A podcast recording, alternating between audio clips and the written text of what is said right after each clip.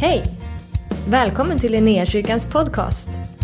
Vi hoppas att det här ordet ska uppmuntra dig, stärka dig i din tro och leda dig in i djupare relation med Jesus. Gud välsigne dig i ditt lyssnande. Herre, vi tackar dig för allt det du har gjort, Herre. Jag tackar dig för allt det du gör i våra liv, Herre.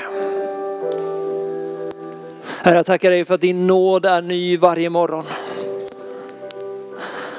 Herre, jag tackar dig för att du slänger våra synder i glömskans hav. Herre, jag tackar dig för att du banar en ny väg framför oss, Herre. Tackar dig för att du leder oss in i ett liv som är fullt av liv och liv i överflöd. Herre, vi tackar dig för att du gör allting nytt, Herre. Jag tackar dig för att det gamla har gått och det nya har kommit, Herre. Och Fader, vi bara ber att vi får smaka mer av din ande idag. Herre, jag ber att allt det där gamla får vi bara skaka av oss. Herre, jag ber att vi idag får lyfta blicken och se på dig, Herre, med nya ögon. Helige Ande, vi ber att du får fylla oss var och en på nytt, Herre. Fyll oss på nytt, Herre. Mer av dig, Herre. Mer av dig. Jesus, Herre, vi vill ha mer av dig och mindre av oss själva. Herre, låt oss idag få smaka och se att du är god. Mm.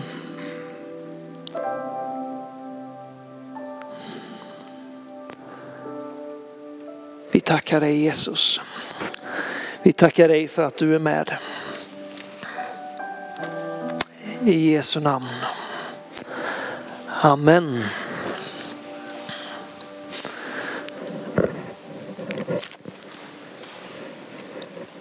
Det är fantastiskt när vi sjunger de här texterna, man bara får bli påmind igen och igen om det som Jesus faktiskt har gjort för oss. Att han har tvättat oss rena ifrån vår synd, ifrån vår skit, vår smuts och han har iklätt oss honom. Att när fadern ser på dig idag så ser han inte dina fel och dina brister utan ser dig genom Jesu offer, genom Jesu blod så är hans blick fäst på dig. Han ser dig, på dig med kärlek, han ser på dig med glädje. Det är så att himmelen jublar över dig idag. Och medan vi eh, sjöng de här sångerna så blev jag påmind om eh, vår före detta pastor, Andrew Thompson. Eh, skön lirare, född i England, kom hit på, i början av 90-talet. Och Andrew brukade alltid beskriva nåd på ett speciellt sätt. För han sa att det svenska språket är så fattigt.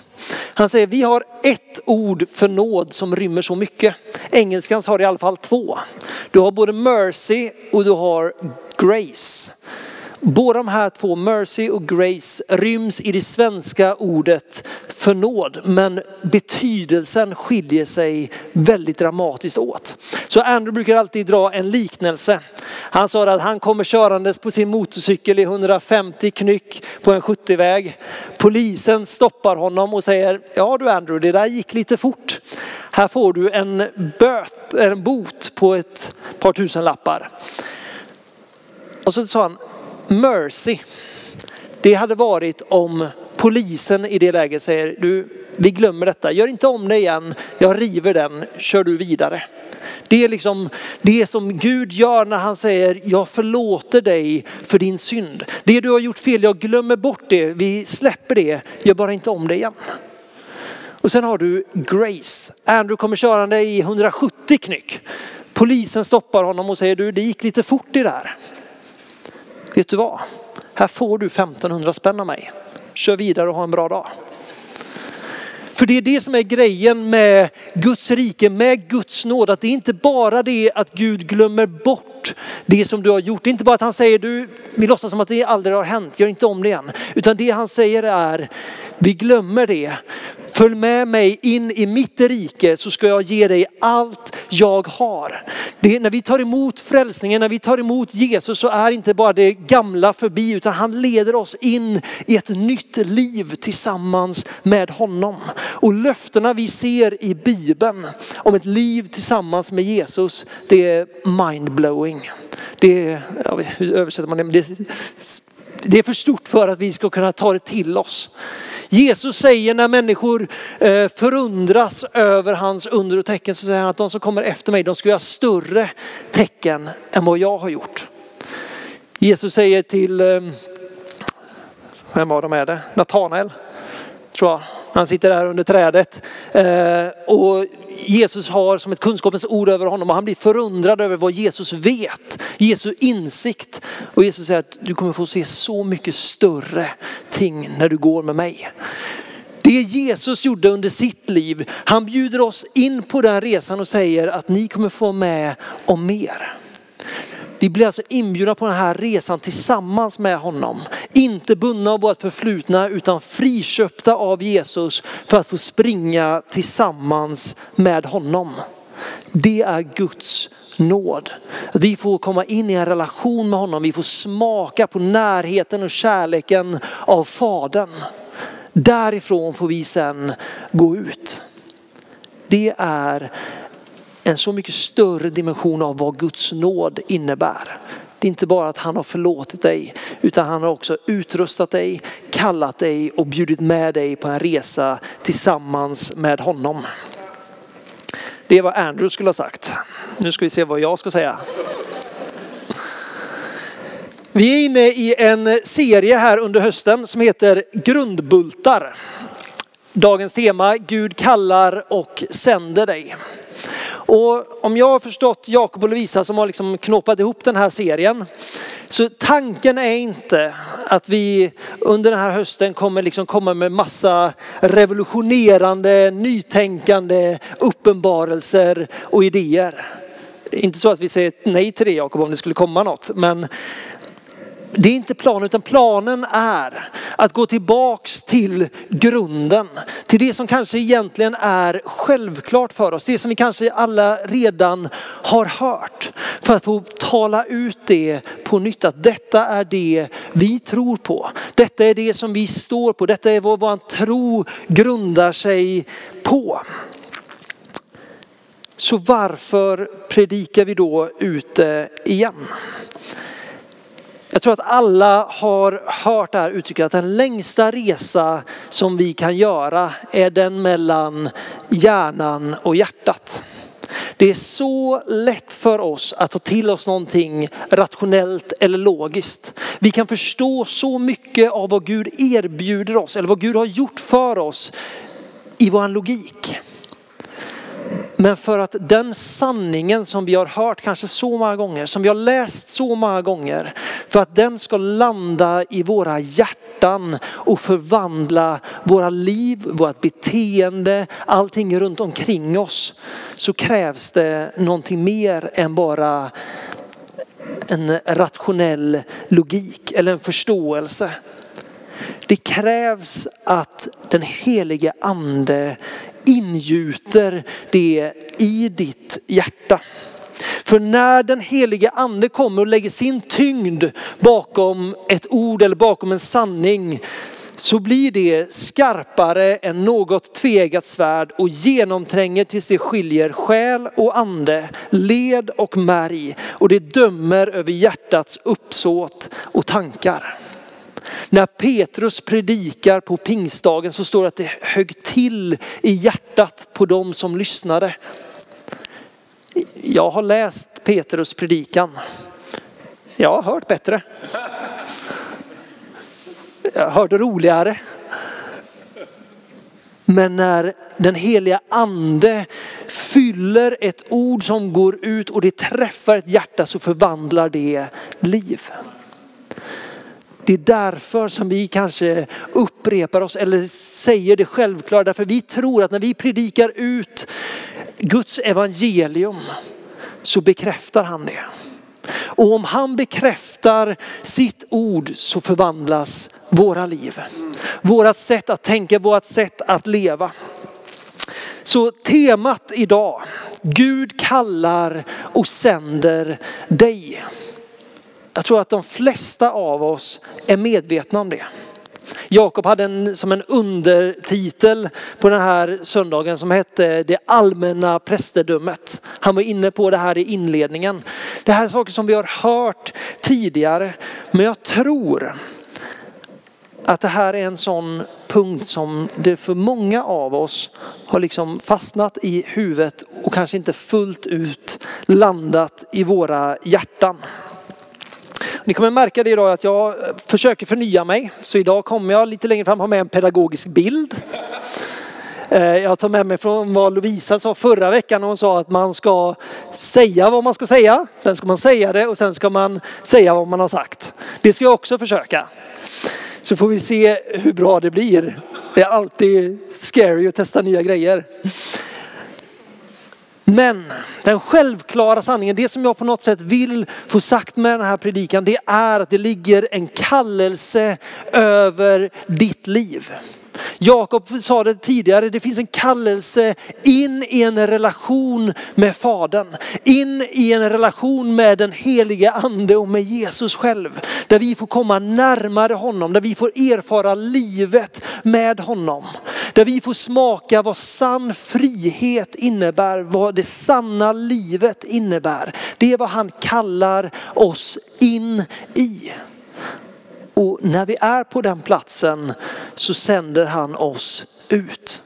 Han sänder oss ut till en brusten, sårad på många sätt mörk värld för att vara hans ambassadörer. För att återspegla honom, för att fler människor ska få se, igenkänna, erfara och smaka av det där fulla livet. Av den där fulla friheten. Det är den kallelse som vi går ut med. Det är det han sänder oss ut med. Han säger att ni är jordens salt och världens ljus. Var och en av oss som har mött med Jesus, som har tagit emot den heliga ande, som har en del av himmelriket på vår insida, har ett ljus som den här världen ropar efter. Har en sanning som den här världen längtar efter mer än någonting annat. Vi står just nu i en tid där folk inte vet vilka de är, där folk letar efter en sanning som håller genom allt. Mötet med Jesus, placera den erfarenheten på din insida. Och han sänder dig ut för att vara ett vittne om det. Och jag tror att det är viktigt att lägga en betoning på ordet vittne. Vi är sända till att vara Jesu vittnen. Vi kan bara vittna om det vi själva har mött och erfarit. En teologisk utbildning är inte det som kvalificerar oss. Vi kan inte vittna om det som någon annan bara har berättat om, utan vi vittnar om det som vi själva har fått möta. Och när vi vittnar om det så finns det ett liv på din insida som backar upp vad du säger. Det finns en kraft ifrån himmelen som visar att det är sant. Det är vad jag ska försöka säga idag. Får se hur, hur det går. Jag tänker så här, bästa avstampet hörni. Guds ord. Vi går till eh, första Petrusbrevet kapitel 2, vers 5 och 9. Och låt er själva som levande stenar byggas upp till ett andligt hus, ett heligt prästerskap som ska bära fram andliga offer som Gud tar emot med glädje genom Jesus Kristus. Men ni är ett utvalt släkte, ett kungligt prästerskap, ett heligt folk, ett Guds folk för att få kunna hans härliga gärningar. Han som har kallat er från mörkret till sitt underbara ljus. Vi är ett utvalt släkte, ett heligt folk. Men vi är också ett kungligt prästerskap. Fick frågan av min fru här innan, vad innebär det här med prästerskapet? Och det ska vi inte gå in på för det blir en lång och icke-pedagogisk utläggning. Men det, för att bara sammanfatta det på något sätt, går vi tillbaka och kollar gamla testamentet där det var prästerna som fick gå in i det allra heligaste. Det var de som fick föra folkets talan inför Gud. De gick in med brännoffer och tackoffer och lovoffer in i det allra heligaste för att ge äran till Gud. När Jesus dör på korset så brister förlåten. Vägen in i det allra heligaste blir öppet för var och en av oss. Vi kan frimodigt gå in inför nådens tron. Och när vi möter människor så står vi i försoningens tjänst. Var och en av oss är avskilda för ett syfte av att få leda människor till försoning med Fadern. Var och en av oss har ett prästerskap nedlagt i oss när vi har tagit emot honom. Inte genom våra kvalifikationer, inte genom våra erfarenheter eller vad vi kan förmå, utan för att Jesus har beslutat att du är min representant. Du är min ambassadör. Du är den som jag vill ska vittna om vem jag är.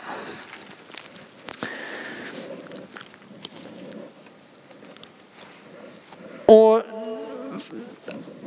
vi ska ta den här pedagogiska bilden ska vi se om det kan göra lite tydligare här. Eh, jag vet att vissa av er sitter långt bak så jag får nog läsa och även översätta. Jesus på julafton. Eh, fadern frågar Jesus, vad, vad är fel? Du sa ju att du ville ha en kyrka i födelsedagspresent. Jesus svarar, ja det gjorde jag. Men jag har lite problem med att få ut den ur lådan. Om ni sitter riktigt långt bak så är det en liten kyrka han sitter och håller i handen. Jag tror, att det finns, jag tror att var och en av oss, om vi skulle få frågan så skulle vi alla säga att vi är kyrkan. Guds folk är kyrkan. Men jag tror också att på grund av ja, men hundratals år av kanske lite felbetoning så har också våran bild av detta ändrats. Vi pratar om att vi går till kyrkan. Jag är med i den kyrkan. Linnéakyrkan på Linnégatan eller Hagakyrkan borta i Haga. Vi pratar om det som en byggnad, som kanske en förening eller en, till och med en institution. Någonting som står där och bara är. Och jag tror att för många av oss så landar vi att vi kan känna oss delaktiga i begreppet kyrka för man är del av en församling. Men vi lever också på något sätt att det är kyrkans roll. De där drivande personerna i kyrkan eller de anställda personerna i kyrkan som ska göra jobbet. Det är de som ska utbreda Guds rike och sen får jag vara med på ett hörn när jag hinner, när jag vill. Hela den bilden blir felaktig och det var det jag försökte visa med den här pedagogiska bilden. Hittad på Twitter by the way. När Jesus talar om kyrkan, det handlar aldrig om en byggnad, handlar aldrig om en organisation, handlar, handlar aldrig om event, handlar aldrig om en söndagsgudstjänst, utan han pratar om människor. Han pratar om ett folk som vill följa honom. Människor som längtar efter att han ska komma och verka i och genom deras liv.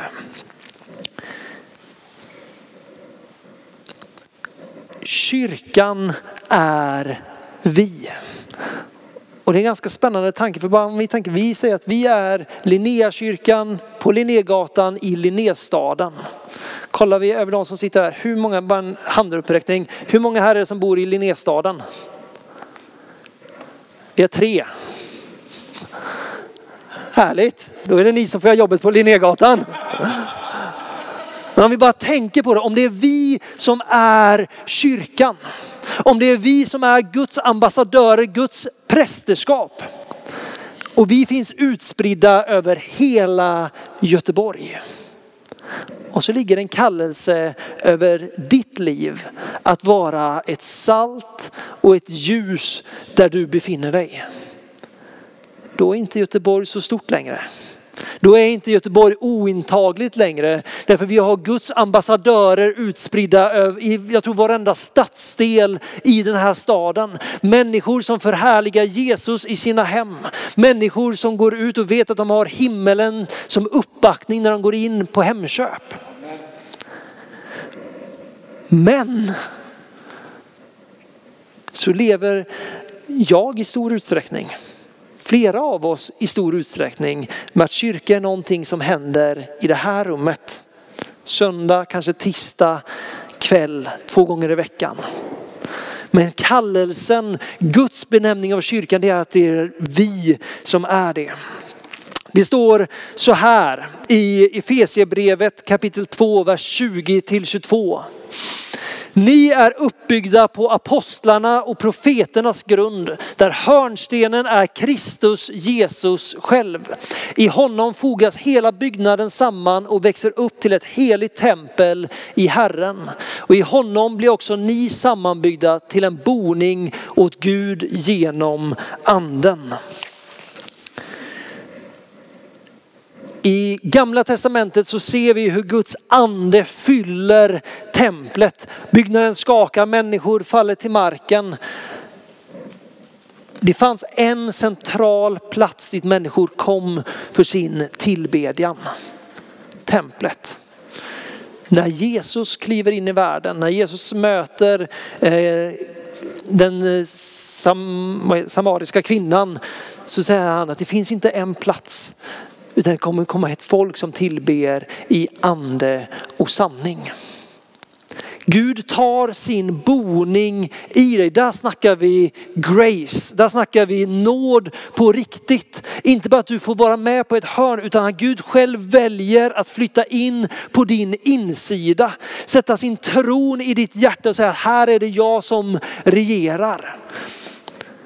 Där tar han sin boning i var och en av oss när vi med våran mun bekänner honom som Herre och i vårt hjärta tror.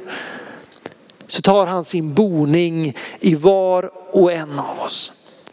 För Jesus plan, det var aldrig byggnader eller events. Hans plan för att utbreda sitt rike, för att dra människor in i himmelriket, det var människor. Människor som är överlåtna honom, präglade av honom och som följer hans vilja. Och vi ser det när vi läser Bibeln, Jesus han kallade inte de lärda och de kunniga, utan han kallade dem som var beredda att följa. När han möter Petrus som heter då Simon första gången, han säger kom följ mig, de släpper nätet med en gång och de går. De följer Jesus dit han går. Jesus letar efter ödmjuka hjärtan som är beredda att gå med honom på resan. Jag skrev så här, vi ser i Bibeln att Gud kallar unga som gamla, starka som svaga, till och med fula som snygga. Det här frågar Olivia, står det verkligen? Det gör inte det, men kollar man till exempel kung David så står det att han var oerhört vacker. Läser man beskrivningen om Paulus så var det väl lite sådär med det. Jesus bryr sig inte om det yttre. Han ser rakt in i ditt hjärta och vet vad som ligger där. Han, det enda han vill, det enda han längtar efter är att du ska säga, här är jag, sänd mig. Här är jag, låt mig följa med på det som du vill uträtta i den här staden, i det här landet, i den här världen. Vi ser också att när Jesus väl hittar de här okunniga, fula, snygga, svaga, starka människorna och kallar dem så har vi i väldigt många fall samma reaktion när Jesus kallar dem. Inte jag Herre. Vem är jag? Vi ser det när, när, Jesus, när Gud kallar Mose. Mose som blir kallad till att befria Israels folk ifrån slaveriet. Mose reaktion är, eh, jag kan inte prata. Jag har en trög tunga, så troligtvis så stammade han. Kanske var han introvert och kände inte att han var så karismatisk när han stod inför människor. Guds reaktion. Vad har du i din hand? Mose hade en herdestav som han slänger på marken som blir till en orm. Där Gud bevisar att det inte är i din kraft. Det är inte med dina gåvor eller med din styrka utan det är genom min ande det ska ske. Gud kallar Gideon. i domarboken. Gideon kommer ifrån den minsta släkten, den minsta familjen. Han var minst i sin, sitt hushåll. Det är hans reaktion. Vem är jag Herre? Jag är den ringaste i hela Israel. Och du kallar mig till att bli landets ledare och föra oss ut i frihet. Guds svar är detsamma. Det är inte genom hans kraft utan genom Guds kraft. När Gud kallar Jeremia så säger Herre ingen kommer lyssna på mig, jag är för ung. Gud säger det är inte din kraft. Jag kommer lägga orden i din mun. Och vi vet alla vad som händer när ett ord från Guds mun talas ut. Det blir liv och det blir kraft. För Gud jobbar så. Det är fruktansvärt frustrerande. Han kommer alltid att vilja kalla dig in i någonting som är stort, läskigt och totalt omöjligt. Därför Gud är inte så intresserad av att du ska lyckas, utan han är intresserad av att du ska lita på honom. Han är intresserad av att du ska förtrösta på honom och då kunna kliva ut på vattnet. Fullt ut lita på att om inte Gud är med så sjunker jag. Det är därför det är skitläskigt när Gud kallar oss. För han kommer inte kalla dig till någonting som du kan så enkelt. Han kommer hela tiden leda dig in i någonting där du behöver honom. Men det finns en kallelse över var och en av oss. Det här blir också oerhört tydligt när vi läser Nya Testamentet, när vi lyssnar till Jesu ord eller apostlarnas ord. Det finns en kallelse över ditt liv. Och ja, det finns en generell kallelse. Det finns en kallelse som går ut till alla lärjungar. Det finns en kallelse att komma och bli intim med honom, att bli påfylld av hans kraft, hans kärlek och hans nåd. Det finns också kallelsen till att vara jordens salt och världens ljus. Sen har vi också den lilla så här, kallelsen i förbifarten. Gå därför ut och gör alla folk till lärjungar. Lär dem att hålla allt vad jag har befallt er. Döp dem i Faderns, Sonens och den heliga Andes namn. En så här härlig kallelse att bara få med, medskickad i farten. Men det här är generella kallelser för var och en av oss som ett heligt prästerskap. Som en ambassadör för Guds rike så ligger det på våra liv. Det här kommer se olika ut för var och en av oss. Vissa av oss är, har en gåva av evangelism. Det sprudlar när vi pratar med människor. Det är lätt att komma och prata om Jesus. Det är lätt att vittna om helande under och tecken. Det finns människor som har helandets gåva. Som så fort de ber för människor så springer de upp ur rullstolar. Det finns människor som har gåvor av det profetiska, som talar ut saker som människor inte kan förstå hur de vet. Som vittnar om att de på något sätt måste ha direktkontakt med Gud. Det finns en rad olika gåvor och jag tror att vi redan varit inne på det en annan söndag så vi ska inte fördjupa oss i det. Men det, som, det viktiga är att när Gud kallar dig, när han sänder dig in i en situation eller in i en plats så är du utrustad redan innan du går in. Inte kanske av erfarenhet, inte för att eh, du vet precis hur det ska gå till, utan därför att samma ande som uppväckte Jesus ifrån de döda bor på din insida. Samma ande som har gett helande till den ena och profetisk gåva till den andra bor på din insida. Och har Gud sänt dig så har han också utrustat och förberett dig för just den situation som du är på väg in i. Han kommer att förse med sin kraft. Vi kan ha hur många invändningar som helst. Men hans kraft är nog för att ta oss igenom. Det står så här i andra Timoteusbrevet kapitel 1, vers 7-9. Gud har inte gett oss modlöshetens ande utan kraftens, kärlekens och självbehärskningens ande. Skäms alltså inte för vittnesbördet om vår Herre och inte heller för mig som är hans fånge, utan bär också du ditt lidande för evangeliet genom Guds kraft. Han har frälst oss och kallat oss med en helig kallelse. Inte på grund av våra gärningar utan genom sitt beslut och sin nåd som han har gett oss i Kristus Jesus från evighet. Det är utifrån Guds nåd som du har blivit kallad. Inte på grund utav din kompetens. Det är utifrån hans beslut som du är kvalificerad.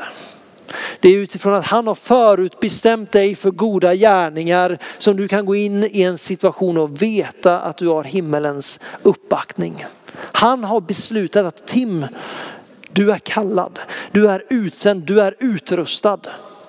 Marianne, när du går in på en arbetsplats eller in och möter nya människor så är det beslutat att du har himmelen med dig. Att du är utsänd ifrån Gud som hans ambassadör, som hans präst. Det står så här i Johannes 15, vers 16. Ni har inte utvalt mig utan jag har utvalt er och bestämt er till att gå ut och bära frukt. Och er frukt ska bestå. Då ska Fadern ge er vad ni än ber honom om i mitt namn. Han har utvalt oss för att gå ut och bära frukt. Det är förutbestämt. Det, det naturliga i en kristen persons liv är att det bär god frukt. Att det produceras någonting i det andliga och i det världsliga.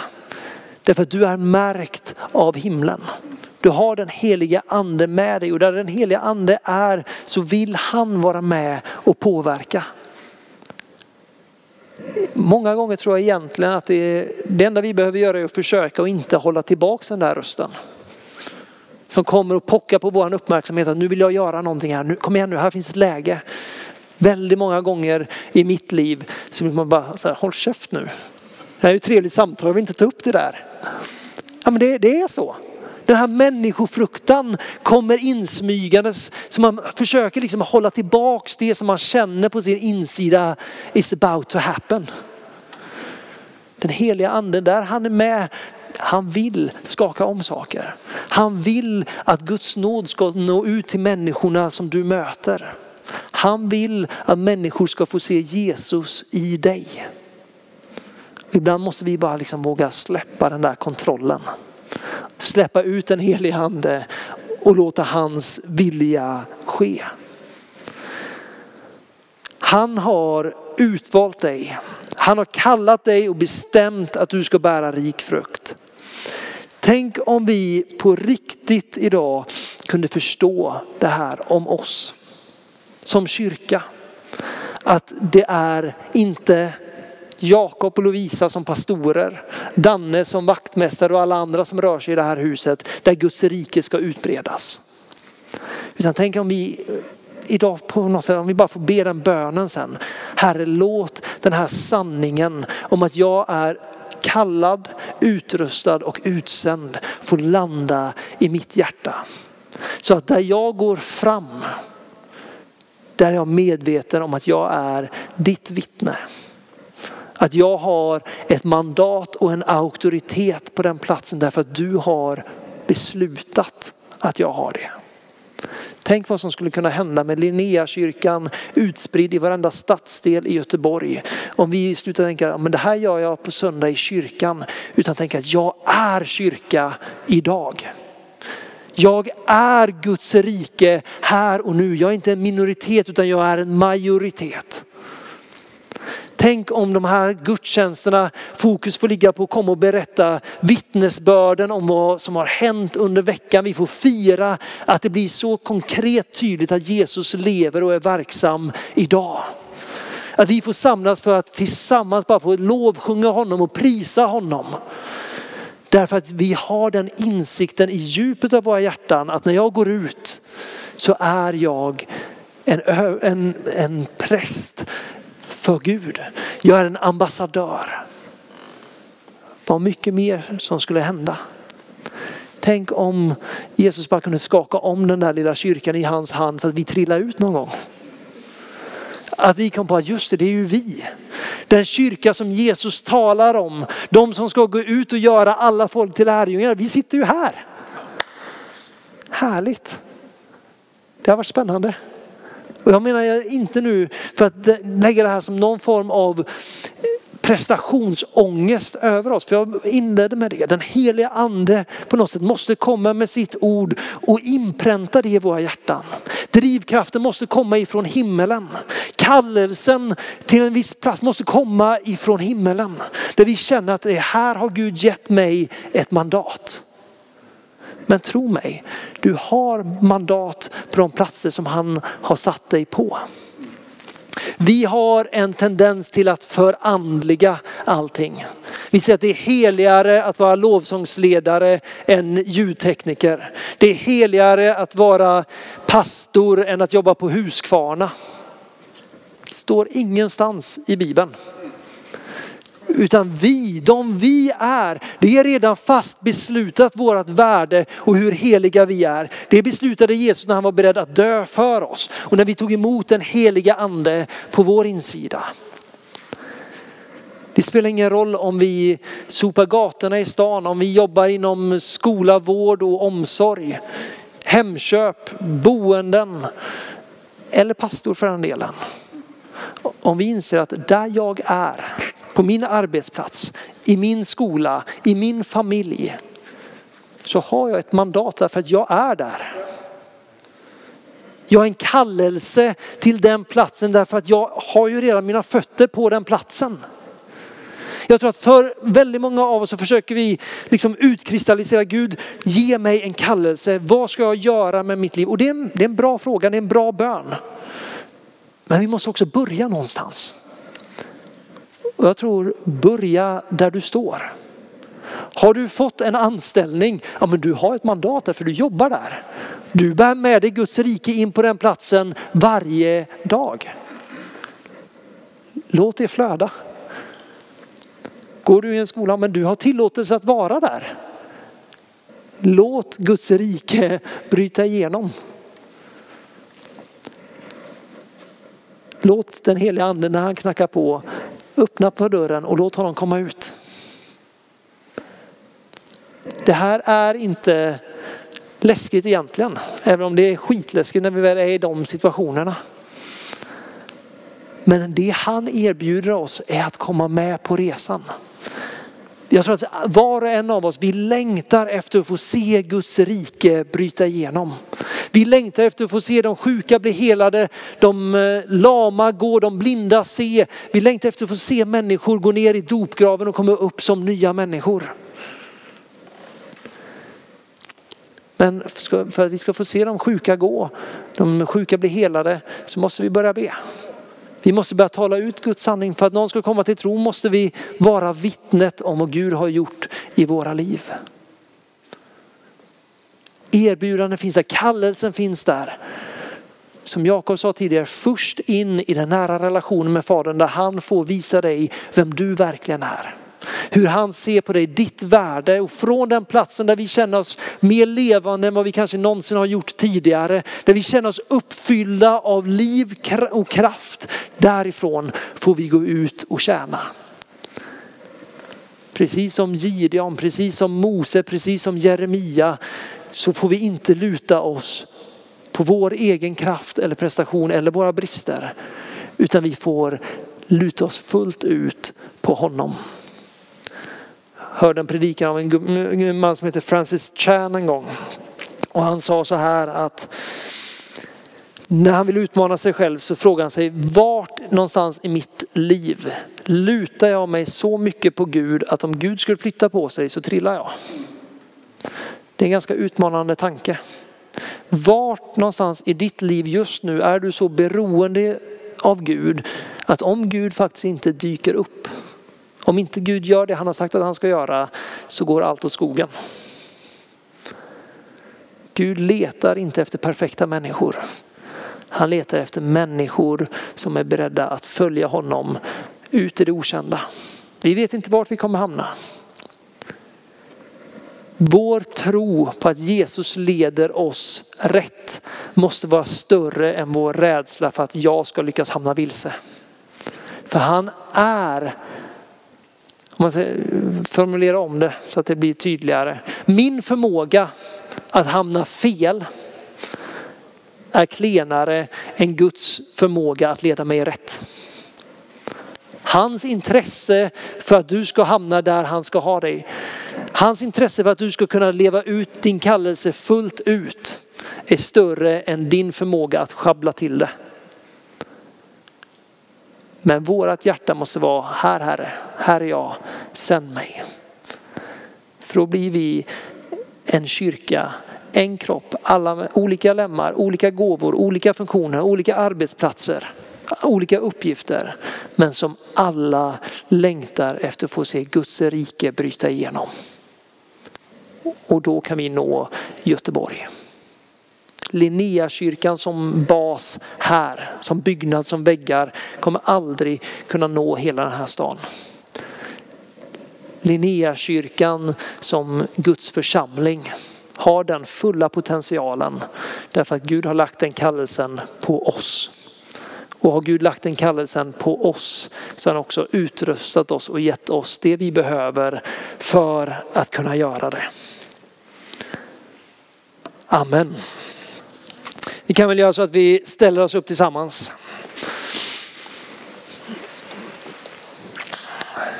tänker vi ska få bara be, be två saker, egentligen hålla det kort och enkelt. Vi ska få be att Gud får lägga det här i våra hjärtan. Att sanningen om vilka vi är och vem han är i oss verkligen får landa i vårt hjärta. Och sen ska vi be att den helige ande får fylla oss på nytt. Att hans kraft, att hans smörjelse får fylla oss igen. Så helige ande, vi bara välkomnar dig just nu. Vi tackar dig helige ande för att det är bara du som kan förvandla våra liv. Tackar dig för att det bara är du som har kraften och förmågan till att förnya vårt sinne och vårt hjärta Herre. Så vi ber dig just nu Herre till att komma och röra vid vårt hjärta. Herre, låt våra förväntningar eller våra tidigare erfarenheter falla åt sidan, inte stå i vägen. Utan att du helige Ande på nytt får uppenbara din sanning för oss. Och helige Ande, jag ber att du på nytt får bara utgjutas över oss som församling. Jag ber att du får fylla oss igen och igen. Jag ber här att du får komma med en ny vision, en ny kallelse över var och en av oss. Att vi får känna delaktigheten i ditt rike, mandatet ifrån himmelen. Så kom helige Ande och fyll oss. Herre jag ber just nu, vi bara näpser all form av prestationskrav. All form av människofruktan av att vi inte räcker till. Herre jag ber att du får komma och tala din sanning över oss. Uppenbara din sanning för oss Herre. Att med dig är allting möjligt. Ty om du är för oss, vem kan då vara emot oss Herre? Herre, vi ber om din välsignelse över oss. Ske din vilja. I Jesu namn. Amen. För att du har varit med oss. Hoppas du känner dig inspirerad av Guds ord och har fått nya perspektiv. Hör gärna av dig till oss och berätta om Gud har rört vid dig på något sätt. Vi är så glada att få höra vittnesbörd om vad Gud gör. Du kan mejla oss på adressen info och dit kan du även mejla om du har ett böneämne som du önskar att vi ber för. Eller om du har tagit emot Jesus och inte har någon bibel så vill vi mer än gärna skicka en bibel till dig. Skicka ett mejl med ditt namn och dina adressuppgifter till info.linneahuset.se så ser vi till att du får en.